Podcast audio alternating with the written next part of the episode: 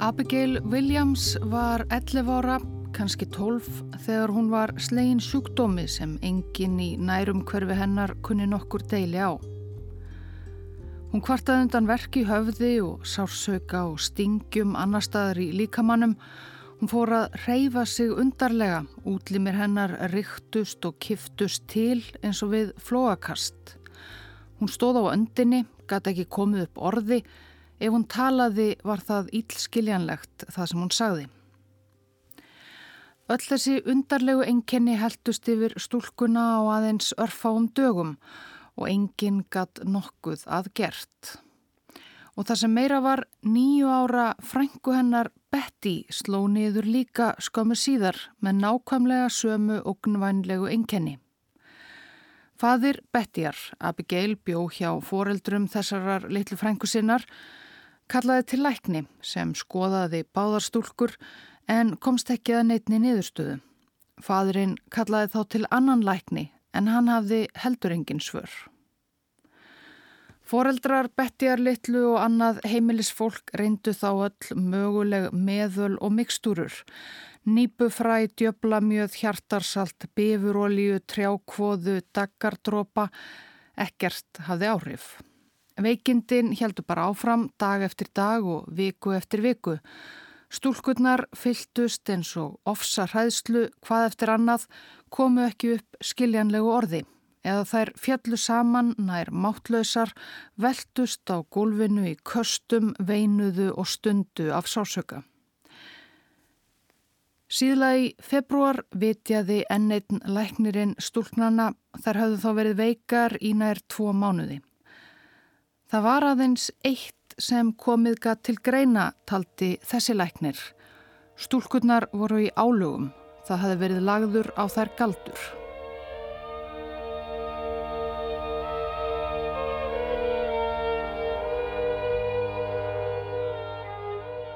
Þetta var í byrjun árs 1692. Elisabeth Parris, nýju ára, alltaf kölluð Betty, og frænka hennar Abigail Williams, líklega 11 ára eða 12, byggu á heimili foreldra þeirrar fyrirnemdu hjónana Sýra Samuels Parris og konu hans Elizabeth Eldridge Parris. Tveimur og hálfu ári áður hafði Samuel Parris tekið við nýri stöðu sem sóknarprestur í litlu þorpi í ennsku nýlendunni Massachusetts á austurströnd Norður Amerikum. Hann var þá að nálgast fertugt og hafði lifað nokkuð viðburðaríku lífi. Hann var fættur í Lundunum en hafði alist upp meir og minna á eigunni Barbados í Karibahavi þar sem englendingar voru þá farnir að koma sér fyrir og fadir hans rak Sigur Plantegru. Þegar Samuel var ungur táningur sendi fadir hans svo til Námsi aðra nýlega nýlendu þar vestra norður til Boston í Massachusetts Þar hafi verið stopnaður háskóli, Harvard að nafni. Fadir Samuels Parris ljast 1673. Samuel snýri þá aftur til Barbados án þess að hafa lokið náminu í Harvard að taka við plantegrunni. En eftir að fellibilur allir þar miklum skemdum 1680 ákvað Parris að flytjast aftur norður til Boston. Hann seldi flest það sem hann enn átti á Barbados en flutti með sér þræla sína tvo, konu að nafni Titjuba og Karl sem kallaður var einfallega John Indian. Í Boston giftist Paris konu að nafni Elizabeth Eldridge, forkunar faguri eða svo segir sagan og átti eftir að eignast með henni þrjú börn, Thomas, Elizabeth, litlu Betty og Susannu.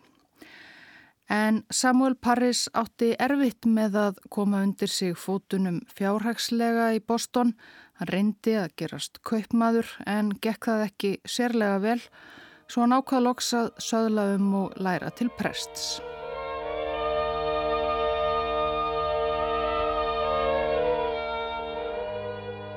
Á fyrstu áratugum 17. aldar fóru enskir landnemar að sigla yfir Allandshafið og koma sér upp búsetu í nýja heiminum Norður Ameríku.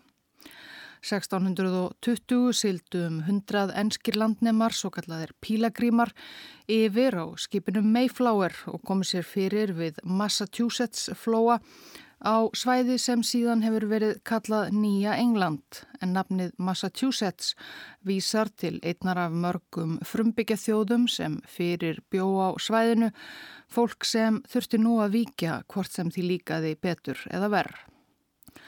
Fleiri enskir landnemar fylgdu í kjölfar þessara fyrstu pílagríma. 1629 var stopnuð formlega Massachusetts flóa nýlendan og um svipaleiti fóru að myndast byggðir við sjávarsíðuna eins og áður nefnt Boston. Krettur Kristínar Trúar lituðu mjög þetta unga samfélag. Flestir fyrstu ennsku landnemanna voru mjög trúaðir kristnir mótmælendur sem margir höfðu rakist frá Englandi vegna trúarskoðuna sinna, svo nefndir hreintrúarmenn eða púritannar. Þeir höfðu sagt skilið við ennsku biskupakirkjuna þar sem að þrátt verir að hún segðist lútersk þótti hreintróar mönnunum ímislegt í síðum hennar of pápíst eða kathólst og þar með spilt. Vildu púritanarnir losa sig við allt það sem mynd gata og hefðir og síði úr pávagarði. Og í nýja heiminum töldu þeir sig geta skapað nýtt, guðurækið og stráng heiðarlegt samfélag byggt á þeim reglum og gildum sem þeir lásu út úr henni heilugu reytningu. Um 30 kilometra norður frá byggðinni í Boston reysum svipaleiti bær sem reyntrúaðir landnemar nefndu beint upp úr biblíunni eftir borg fríðarkonungsins Melkisedex, líklega Jérúsalem sjálfri, Salem eða Salem. Nafngiftin svo var þó ekki til þess að alltaf verði friðsamlegt í Salem. En bærin dapnaði þó ágætlega fyrstu árin Hann stóð við fínustu höfn frá náttúrunar hendi og úti fyrir henni voru fiskimiðin gjöful. Blómleg byggðin hverðist í fyrstum höfnina en um 1640 fór fólk líka að koma sér fyrir lengra norður og vestur inni í landi og stunda þar búskap. Þorpið fóru Seilembúar í búar bæjarins Seilem að kalla þessa nýju landbúnaðarbyggð til norðurs. Og þó vegalengdirnar væru ekki íkja miklar urðu með tímanum æg skýrari skil á milli Þorps og bæjar, Salem Town og Salem Village. Velmegun var óneitanlega meiri í bænum við höfnina þar sem komu bæði fiski og kaupskip. Íbúar í Þorpinu inni í landi kerðu sig sífælt minna um að þurfa að borga skatta til bæjarins og að bæjarbúar sem voru langt um fleiri hefðu eitthvað um þeirra þorpsmál að gera. 1672 náðu þorpsbúar þannig langtráðu markmiði að fá leifi yfirvalda í Massachusetts að stopna sína eigin kirkjusókn og þurfa ekki einu sinni að sækja guðstjónustur í bæin. Fyrstu púritanarnir höfðu sem sagt var flúið England vegna trúarlegra deilna, vildu fá að yfka sína ströngu trú í friði og banna allt það sem þeir vildu banna. Og almennt má segja svona 300 og eitthvað árum síðar fari ekki það orðaf púritönum Nýja Englands að þeir hafi verið sérlega léttir í lund, auðveldir í umgengni og sáttfúsir, þvert á móti. En jafnvel í samfélagi eintómra púritanna fór það að loða við íbúa Þorpsins, Salem Village, að þeir væru sérstaklega erfiðir þrætugjarnir og þverir. Þorpsbúar voru þannig í stöðugum erjum við bæjarbúana um eitt og annað, um skatteimtu, eignir og landamerki, líka ímis kirkjunarmál, um skeppnur sem ráfuðu inn á annara manna jarðir í leifisleysi og allt þar fram eftir gödunum. Þorpsbúarnir áttu líka í ímiskonar deilum innbyrðis sem erfitt gætt reynst að leysa þar sem afskipti yfirvalda í Massachusetts af afskektu og fámennu þorpinu. Íbúar voru þarna um 5-600, þau voru ekki mikil. Leysa mál með öðru en nefunum það er. Handalögmál granna og grannkvenna á milli voru vist ekki svo fáttíð í hennu guðrætta Seilemþorpi. Ekki var þeldur stopnun kirkjusóknar í þorpinu til að læja þar öldur. Það voru ekki allir í borþorpsins sammála um ágæti þess að hafa eigin kirkju. Þorpsbúar sem byggu nær Salem bæ fóru heldur í kirkju þar með fýtnafólkinu og settu sig upp á móti kirkjulegum sjálfstæðistilburðum Þorpsbúana sem byggu fjær og varð þetta líka uppspretta í missa deilna. Og innan kirkjunar langþráðu var líka ósætti. Fyrstu þrýr klerkarnir sem ráðnir voru í embætti sóknarprests endust aðeins í nokkur ár hver í Seilemþorpi og þurftu þann tíma að standa í stöðugu stappi við sóknarbörnin til að fá greitt umsamin laun, eldi við fyrir prestsetrið og annað sem þeim hafi verið lofað. Samuel Parris var því fjórði presturinn sem tók við stöðu sóknarprests í Seilemþorpi í júli 1689. Hann hafi lokið prestsnámi nokkrum árum áður og leist af hér og þar um Boston.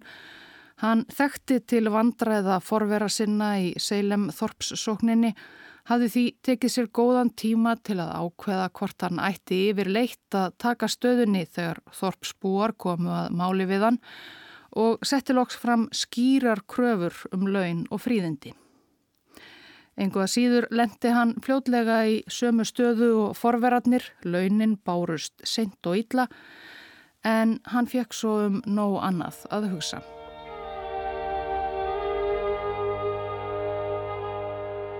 Sýra Samuel Paris, prestur í kirkjunni í Seilemþorpi, átti nýju ára dóttur og um 11 ára gamla frængu sem voru illa haldnar óþægtum kvillum.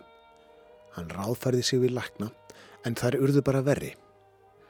John Hale, prestur í grannbænum Beverly, varð vittni að þjáningum stúlnana og prestsetrinu í Salem Þorpi í áspyrjun 1692 og skrifaði um málið síðar meir. Loks tjáði eitt laknir þá skoðun sína að á þeim kvildi ill hönd Nágrannar þeirra komust fljóta sömu niðurstuðu að stúlkurnar væru í álögum. Hreintrúar fólkið í Seilemþorpi var guðrætt með eindæmum og áleitt orð guðs ofar öllu en fólkið trúði þó líka á ímislegt annað yfirnáttúrulegt á anda og svipi, galdra og nornir. Fólk trúði því þannig einlæglega að djöfullin væri sífælt að nálægur, fyldist með þeim og geti beitt ýmsum brögðum og blekkingum til að bregða fæti fyrir þau hinn trúðu. Nortnir sem gengu erinda myrkrahauðingjan skáttu leinst kvarvetna og lagt álög og bölvanir á saklaust guðrætt fólk, líka í hinnu drottins nýja Englandi. 1688, fjórum árum fyrir þessa atbyrði, hafi gömul írsk þjónustukonna Ann Glover verið sökuðum að hafa lagt álög á börn vinnveitenda síns Johns Goodwin, góðborgara í Boston, svo börnin fóru að haga sér mjög undarlega. Glover sem var katholikki og því að allra minnstakosti spiltur skurðgóða dirkandi að púritannana mati, Hún var dregin fyrir dóm og sökuðum galdur. Líkt og venjan hafi verið hjá domstólum í Evrópu lengi þá híkuðu domstólar Nýja Englands ekki við að taka á galdri sem öðrum hverstagsleiri glæpum eins og þjófnaði og sveikum. Fyrir rétti var Ann Glover gert að fara með fadirvorið en almennt var talið að þann heilaga teksta getur nortnir ómögulega farið með orðrétt. Glover fór með fadirvorið á gelísku en kom því ekki óbjagað út úr sér á ennsku tungumáli sem hún hafi takmarkað vald á. Þótti það sönnun þess að hún hliti að vera nord. Ann gamla Glover var dæmt til dauða og hengt fyrir framann æstan múg reyðra Bostonbúa 16. november 1688. Ári síðar skrifaði ungur og efnilegur púritanaprestur í Boston sér að Cotton Mather, svonur Increase Mathers, eins helsta trúsbyggings Nýja Englands, bók þar sem hann fjallaði um Mál Ann Glover. Cotton heimsótti hana í fangelsi þar sem hún mun hafa játað fyrir honum í gegnum tólk, ímis galdra og myrkraverk og samneiti við djöfulinn sjálfan og almenntum þær fjölmörgu hættur sem kristnum mönnum stafaði af nortnum og galdri. Bókin vakti mikla aðtikli og var við lesin um nýlendur kristina manna í vesturheimi. Stúlkunar voru bytnar og klippnar af ósynilugu afli, handlegir þeirra, hálsar og bök snérust á þennan veg og hinn og aftur tilbaka, nokkuð sem þeim væri ómögulegt að gera af sjálfstáðum og af meiri mætti en nokkuð flóakast eða náttúrulegur kvilli. Stundum mistu þær málið, kverkar þeirra stípluðust, útlimir þeirra voru svo kvaldir og skemdir að vekja mætti með þeim samkend í hjarta úr steini. Þjáningar stúlknana á prestsetrinu í Seilemþorpi myndu sér að John Hale frá Beverly, já, á bókina kollega síns Cottons Mother svo mjög að það var auðveldast að vísa einfallega beint í það ritt. Ég fjölir þið hér ekki frekar um grimdarlegar þjáningar þeirra því þar voru á allan hátt eins þjakaðar og gútvinnbörnin í Boston. En kvalir þeirra voru enn meiri en þeirra í Boston.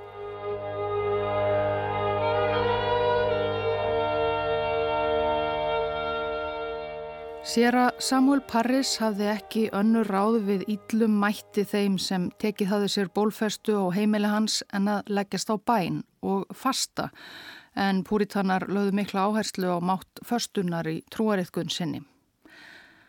Það voru þó til önnur ráð eða svo heldu alltjent sumir.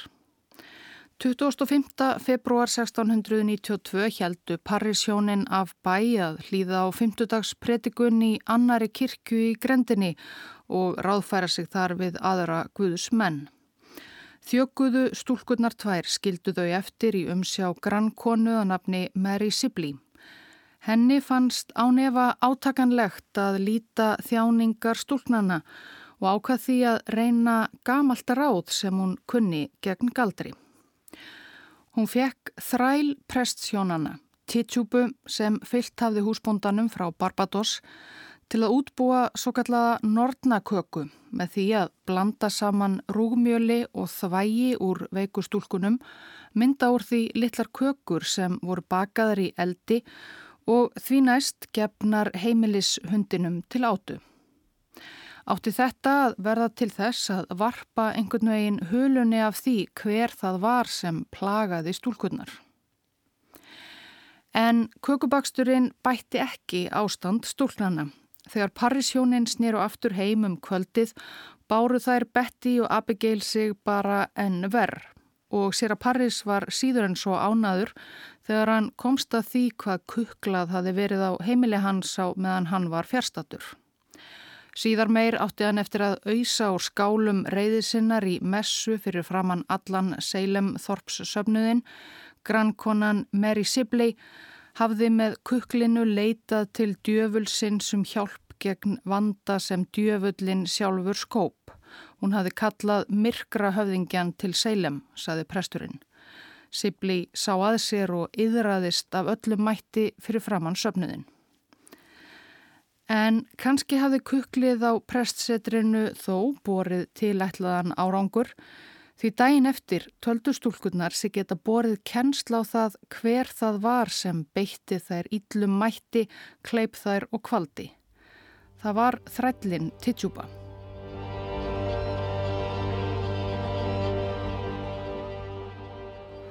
Ekki lungu síðar, mögulega þennan sama dag 27. februar, Heimsóttu nokkrir klerkar úr nákrenninu og aðrir en ónemdir heiðursmenn eins og þeir eru kallaðir í samtíma heimildum prestsetrið í Seilemþorpi. Allir voru þeir sammála um að Betty og Abigail væru greinilega í álugum og ráðlögðu sér að Paris að byggja enn ákafar fyrir heilsu þeirra. Heiðursmennir rættu einnig við þá grunuðu í málinu þrælinn Titsjúbu. Hún játaði að hafa bakað nortnaköku úr þvægi stúlnana en það var aðeins til þess að reyna að hjálpa vesalingsbörnunum, saði hún. Hún neytaði því staðfastlega að standa baki þjáningum þeirra, hún var ekki nortn. En hver var þessi kona Tetsjúba? Lengi hefur margt verið óljóst um þessa konu sem leik mikilvæga rullu í þeim atbyrðum sem hér er frá greint og áttu sannlega eftir að verða allræmtir í sögu Norður Ameríku. Lítið er í raunvitaðum hana með algjörri vissum. Í samtíma heimildum er hún yfirleitt kölluð Indiáni, Indian, rétt eins og hinn þrællin á heimili Paris fjölskyldunar sem einfallega var kallaður John Indian. Hún hefur þó líklegast ekki verið indjáni eins og þeir sem landnematnir áttu þarna í útistöðum við heimaferir, en það voru þeir að leggja undir sig land þeirra, allt svo frumbyggi Norður Ameríku. Í síðari tíma heimildum er hún gerðnan sögð af afrískum uppruna eins og þeir þrælar sem fluttir voru til Norður Ameríku í stórum stíl síðar meir. En nú er talið líklegast að Samuel Parris hafi flutt Titsjúbu með sér frá Barbados þegar hann fór þaðan og hún þá verið fætt þar á eigunni eða mögulega í Suður Ameríku frekar en Afriku. Hvað var Titsjúba þessi gömul? Engum sérstökum sögum fer af því í samtíma heimildum heldur. Á sumum setni tíma teikningum listamanna sem sína eiga þessa atbyrði byrtist hún sem hrum og hókin kertling, gott ef ekki með krókótt langt nef, svona eins og nortnir eiga að vera. En hvort hún var svo gömul veitum við ekki. Í skjölum um plantegru englendings að nafni Samuel Thompson á Barbados 1676 má finna skráða þrælastúlkum þá barnaðaldri að nafni Tatjúba og kannski, telja all nokkrir fræðimenn, er það okkar kona. Áður en annar plantegrubondi Samuel Parris eignaðist hana með einhverjum hætti. Tatjúba Titjúba. Sé það rétt hefur hún ekki verið orðin sérlega aldur nýin þarna árið 1692, þrítugi mestalagi má ætla. Allavega var Titsjúba í viðkvæmri stöðu sem heimilistræll og útlensk kona í þokkabót í hennu einsleita íhaldsama Seilemþorpi, eins öðruvísi eiginlega og hugsast gatt.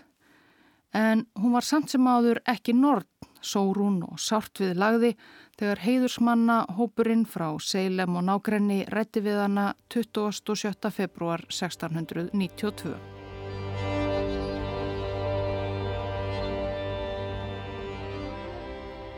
Um það byl samaleiti og bakaðar voru nortnakökur og heimili Sera Samuels Paris fóru tvær stúlkur í Seilem Þorpi til viðbótar að kenna sér meins svipaðra inkjana og slegið höfðu Betty Paris og Abigail Williams.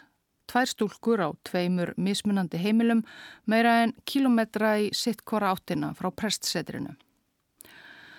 Ann Putnam var 12 ára, ein af miklum barnaskara hjónana Thomas og Ann Carr Putnam, trúra og tryggra sapnaðar barna Sera Paris. Pötnam fjölskyldan var raunar ein af helstu fjölskyldum Seilemþorps, föður afi Anlittlu Tómas Eldri Pötnam, hafi verið með auðugustu landeigandum Þorpsins en Tómas Yngri hafi reyndar ekki erft sérlega stóran hluta egna hans. Tómas Yngri var annars yfirleitt kallaður Sargent Tómas eða Tómas Liðþjálfi Hann hafi tekið þátt í stríði landnemanna árin 1675 til 78 við hersveitir Vampanóaka og fleiri frumbyggja þjóða þess lands sem kvítumennir kölluðu Nýja England. Það höfðu verið harðir og erfiðir bardagar með talsverðu mannfalli á báða búa. Landnematnir höfðu sigur og heldu landsvæðum sínum á Nýja Englandi en norður á útmörkum byggðar þeirra Svæðinu sem þeir kolluðu Maine þar var enn mjög ófriðvænlegt millir frumbyggja og kvítramanna. En allavega anlitla Putnam verðist hafa vext 25. februar 1692 og stúlkaða nafni Elisabeth Hubbard sömuleiðis. Hún var heitla 16 ára gömul, ekki af nafn tóguðum ættum heldur munaðleysingi. Hún bjó hjá frænda sínum William Griggs sem var einn helsti læknirinn í þorpinu, raunar sámaður sem fyrstur greindi Paris stúlkunnar sem í álugum og hún starfaði fyrir hann sem vinnukona. Síðar sagði Elizabeth Hubbard frá því hvenar hún var þess fyrst áskinja að hún væri beitt göldrum. Hún var þá leiðinni heim eftir að hafa unnið eitthvað viðvik fyrir Dr. Griggs.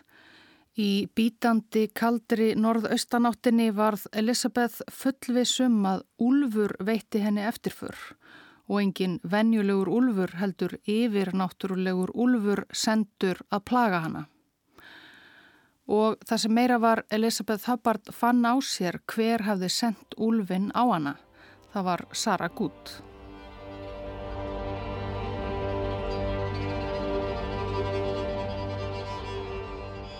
Sara þessi Good var ekki útlendingur, ekki þræll, heldur kvítur þorpsbúi í Seilem sem hver annar. Hún var 39 ára gömul þarna 1692 Hún og maður hennar William Good höfðu lendi í fjárhagskrökkum og voru orðin eignalaus og fátæk, neittust oft til að þykja ölmusu af öðrum þorpsbúum. Og jafnvel í samfélagi hérna þrætugjörnu þorpsbúa var Sara Good sérlega ítla liðin, hún þótti minnfísinn og mætti sjaldan til guðþjónustu. Hún heyrðist stundum tauta eitthvað torkennilegt fyrir munni sér, kannski formælingar, hjælt fólk. Árið 1692 var hlaupár og 29. og síðasta dag februarmánaðar var ástand þjökuðu stúlknana fjögura í Seilemþorpi orðið svo alvarlegt að fullorðnir þorpsbúar urðu að fá eitthvað aðgert annað en að liggja bara á bæin og fasta. Tómas Pötnam, fadir Ann 12 ára, arkaði þá við fjörðamann drullugan slóðan til Salem bæjar Það hafði ringt mikið síðustu daga, snjórin vekið fyrir auður og leðju og fór fyrir dómara þar sem mennirnir ásökuðu þrjár konur í Seilem Þorpi um galdur. Já, þrjár. Þrælinn Titsjúbu, þurvalingin Söru Gutt og svo hafði Elisabeth Hubbard líka fundið á sér að ein kona til viðbótar væri að plaga hana, önnur Sara, Sara Osborn. Sara Osborn var líka einlega utangarðs í samfélagi hinn að siðvöndu í Seilemþorpi. Hún var um 50, fætt annar staðar í Massachusetts en hafði flutt til Seilemþorps með fyrri eiginmanni sínum Robert Prince sem tengdist í gegnum sýstur sína inn í Pötnam fjölskylduna áhrifamiklu í Þorpinu. En eftir að prins Dó hafði ekkjan Osborn vakið umtal og neykslan Þorpsbúa með því að giftast vinnumanni sínum, sér mun yngri manni frá Írlandi. Hún satt svo enn með unga manninum í umtalsverðu búi fyrri eiginmannsins og hafði neitað sónum sem hún egnaðist með honum um arf sem fadir þeirra hafði lofað þeim. Málaregstur stóði yfir millir móður og svona vegna landsins og arfsins sem Pötnam fjölskyldan flæktist inn í á hlið sonana. Sjálf fór Sara Osborn sjaldan af bæ, var vist meir og minna rúmliggjandi af einhverju veiki. 1692 hafði hún heldur ekki mætt í messu í mörg ár. Það var eftir því tekið.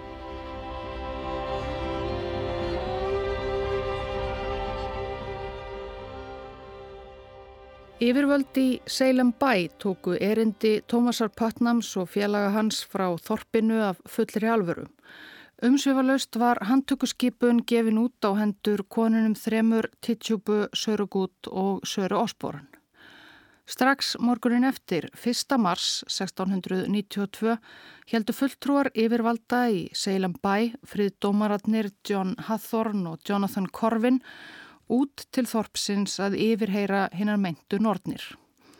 Það er Titsjúba, Gutt og Osborn höfðu verið færðar til yfirheyrslu á knæpu Þorpsins sem einnig var notuð fyrir ímsan málaragstur hins opimbera. En þegar friðdómarana barað gardi höfðu svo margir forvittnir Þorpsbúar líka sapnast saman á knæpunni að þar var orðið ómögulegt að aðhafast nokkur hlut. Yfirheyslur voru því ferðar í samkúmuhús Seilem Þorps, svo enginn þyrti frá að hverfa. Stúlkunnar fjórar voru meðal viðstatra, sjáanlega illa haldnar og höfðu leið í köstum fyrir um morgunin. Sara Gutt, svo fátæka, var fyrst tekinn til yfirheyslu. Hún hafi neitað sök og hjælti áfram þegar friðdómarinn John Hathorn spurði hana hvort hún væri í samneiti við ítla anda. Nei. Hvort hún hefði gert samning við djöfulinn. Nei. Hvers vegna hún væri að meiða þessar vesalingsstúlkur og þá fyrir hvern. Það væri hún alls ekki að gera. Eina ástæða þess að hún mætti ekki í messu væri að hún ætti ekki nógu fín fött, saði hún. En þjögguðu stúlkunnar fjórar stóðu við orð sín. Þær bentu á gutt sem kvalara sinn og æftu um leið upp yfir sig af sársauka og áþján. Sara Gutt neytaði enn að hafa unnið þeim nokkuð megin, en loks eftir hverja spurninguna á fætur annari sagði hún að það hefði ekki verið hún sem lagði álög á stúlkunnar, heldur værið það Sara og Sporn. Sú Saran var næst til yfirheyslu, Sara Osborn sem hafi gifst ungum vinnumanni og svikið síni sína um föðurarfin. Þegar hún var færðin í samkómuhúsið urðu þjökuðu stúlkurnar fjórar aftur snöglega verri, veinuðu og hristust. Hathorn friðdómari spurði Osborn sömu spurninga og hún neytaði öllu.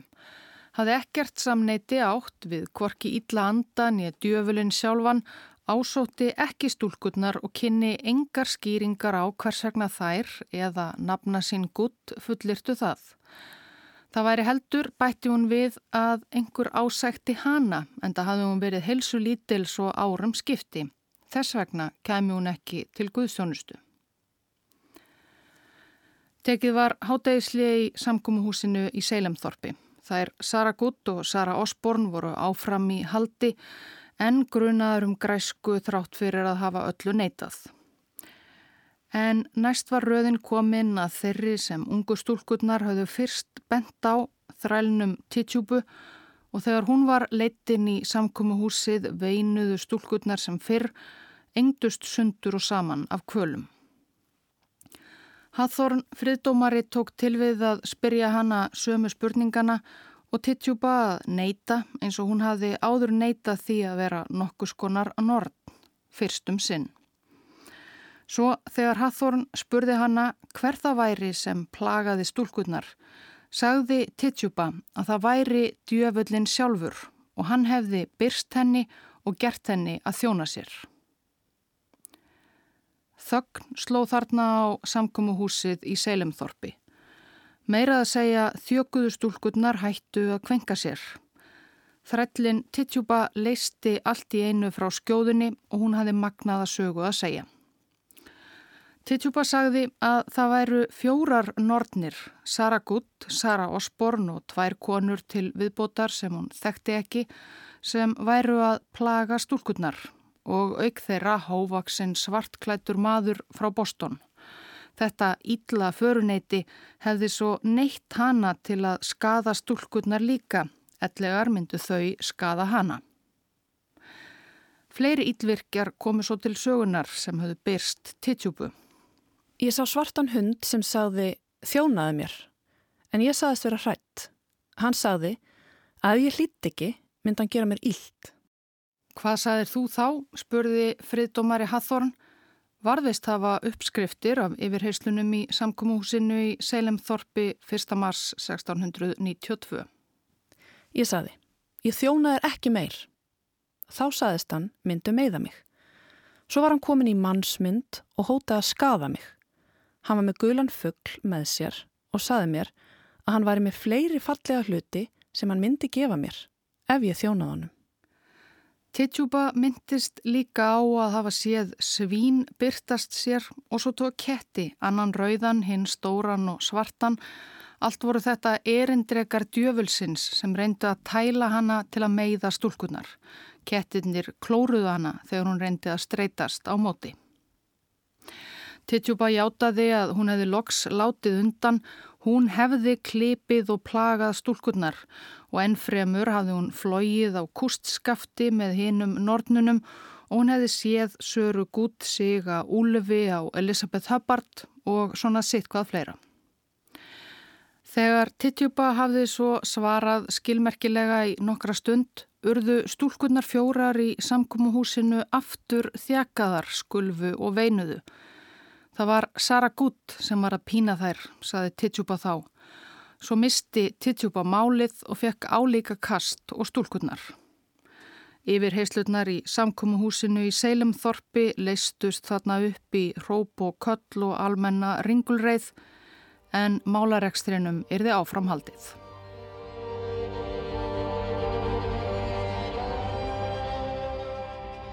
Sara Osborn og Titjuba vörðu aðfaranótt annars mars 1692 í fangaklefa í Seilum bæ. Sara Gutt sem var barnshafandi kominn nokkuð langt á leið var geimt fyrstunóttina í haldi á heimili laurugluþjóns nokkurs í grannbænum Ipswich. Þó Nornirnar þrjár, myndu, væru í haldi var alls ekki friðvænlegt í Seilum Þorpi þessa nótt. Stúlkunnar fjórar kendu sér enn ímis að meina og sögðu að svipir kvennana væru enn að pína þær. Elisabeth Hubbard sagðist þannig sjá sörugút, berleggja og berbrjósta uppi á borði fyrir framann sig. Og tveir þorpsbúar, fullortnir karlmenn, sögðu síðar frá því að þeir hefðu heyrt undarleg hljóð á göngu heim eftir uppákomundnar í samkómuhúsinu.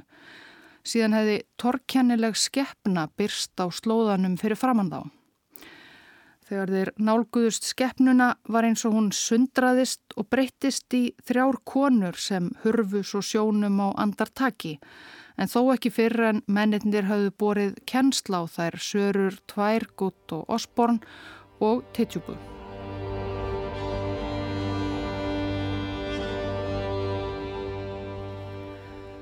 Friðdómarar yfirherðu Titjúbu að nýju í fangelsinu í Seilembæ annan mars. Hún helt þá ótröð áfram að segja frá kinnum sínum og djöfulsins og þeim ýmsum virkraverkum sem hún hafi verið viðriðin eða vitni að. Fyrir nokkrum vikum, saði hún, eða um það leiti sem stúlkunnar á heimili sér að Paris, Betty og Abigail fóru fyrst að kenna sér meins, þá hafði Kölski fyrst byrstenni og lofa henni öllu fögru ef hún myndi þjóna honum í sex ár. Hún hafi sett fangamark sitt með blóði í bók sem djöfullin rétti henni, Tittjúba var ólæs og óskrifandi og hún hafi séð merki Söru Gutt og Söru Osborn í sömu bók og ekki aðeins þeirra alls nýju undirskriftir sá hún. Nortnirnar voru enn fleiri sumsi og allt um kring. Sara Gutt og Sara Osborn líka yfirheyrðar þennan dag og næstu daga þær heldu áfram að neyta því staðfastlega að hafa nokkuð með galdra eða yllvirki að gera. Tittjúba held sig við sína sögu af djöblinum, svörtum hundum og rauðum köttum, leinilegum nornafundum og píningum.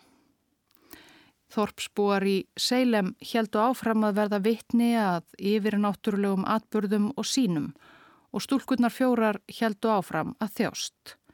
Tittjúpa ásótti þær að vísu ekki lengur, hún hafi jú játað syndir sínar, en Sara Gutt og Sara Osborn byrtust þeim enn klipu þær og píndu. Og ekki einungis þær tvær. Þegar leið á marsmánuð varð æljósara að það voru sannarlega fleiri nortnir í Seilemþorpi. Þjökuðu stúlkunnar fóru að bera kennsla á enn fleiri yllvirkja sem ásóttu þær og fleiri stúlkur í þorpinu urðu líka fyrir barðinu á þessum útsendurum hins ítla. Málarekstri gegn nortnunum í Seilemþorpi var hverginæri lokið.